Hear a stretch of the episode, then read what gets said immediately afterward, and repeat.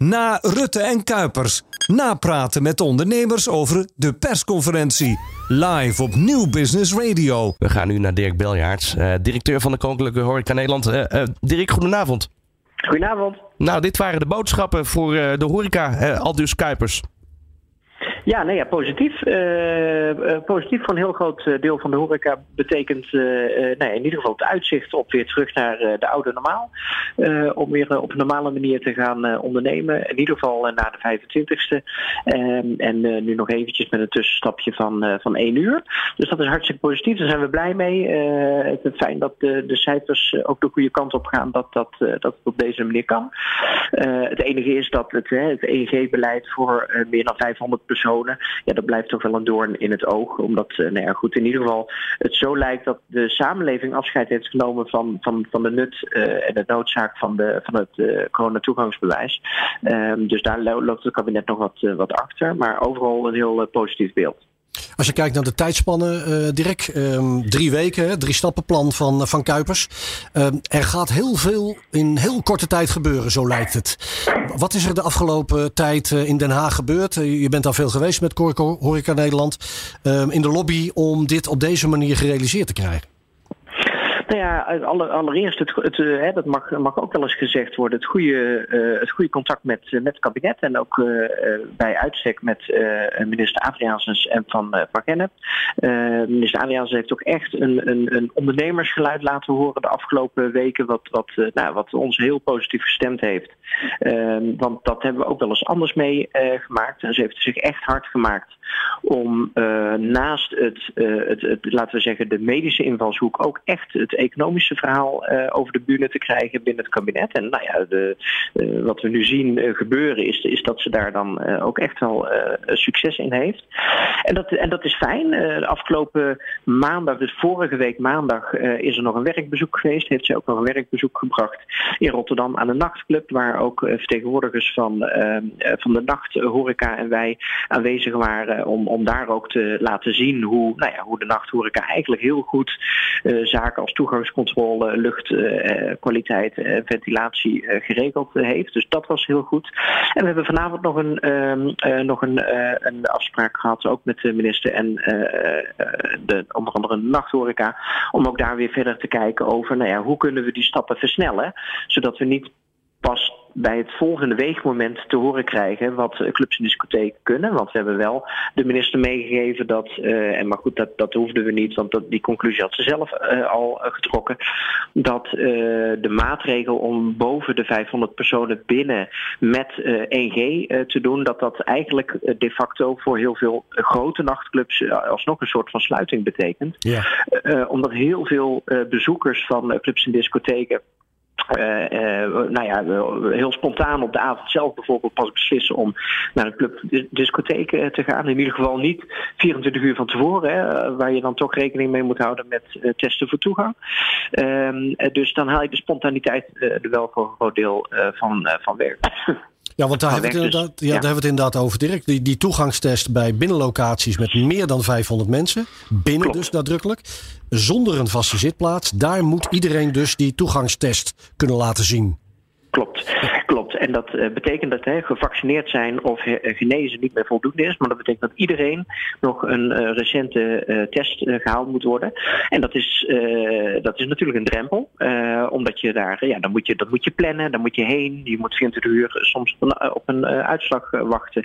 Dus het is een drempel. Je kunt niet, als je spontaan op straat loopt op vrijdagavond, zeggen van hey, laten we hier eens naar binnen gaan, want dat ziet er, ziet er gezellig uit.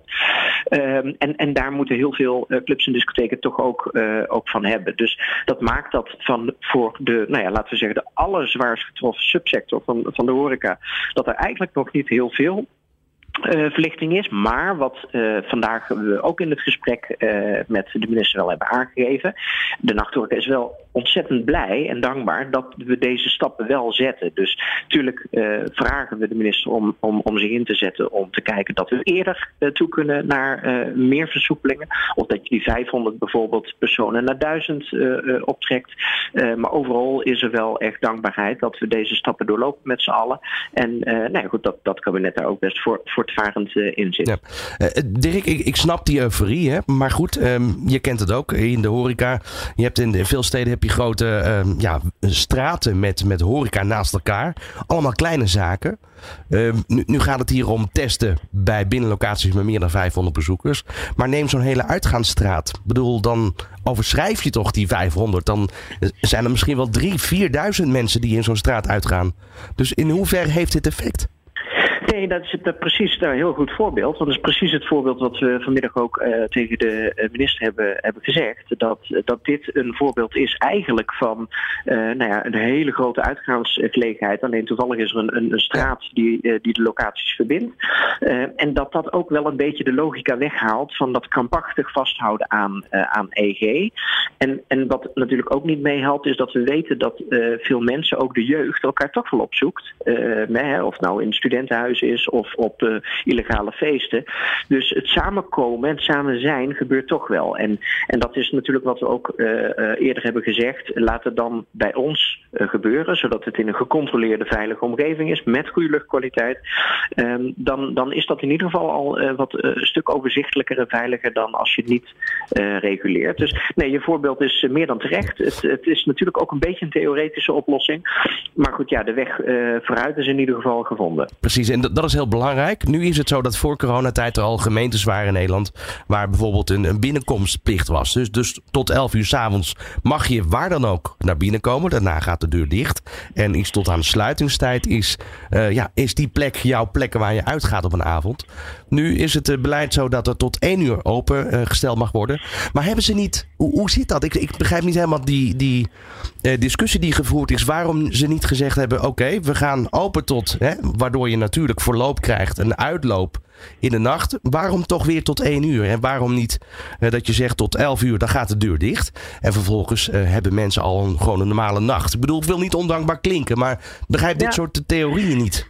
Nee, nee, wij ook niet. Want dit is, uh, dit is ook uh, waar we van hebben, uh, eerder van hebben gezegd: van als je de inloopstop doet, dan zijn er nooit meer mensen die binnenkomen stromen na een bepaald tijdstip. Hè? en, en, en je hebt ook niet kroeggroppen waar OMT destijds bang voor was. Want je kan ergens anders niet meer naar, naar binnen. Dus het zou heel logisch zijn. en tegelijkertijd beloon je daarmee de gasten met een extra lange avond uit. En, en, en de horeca-ondernemer met een beetje fatsoenlijke omzet.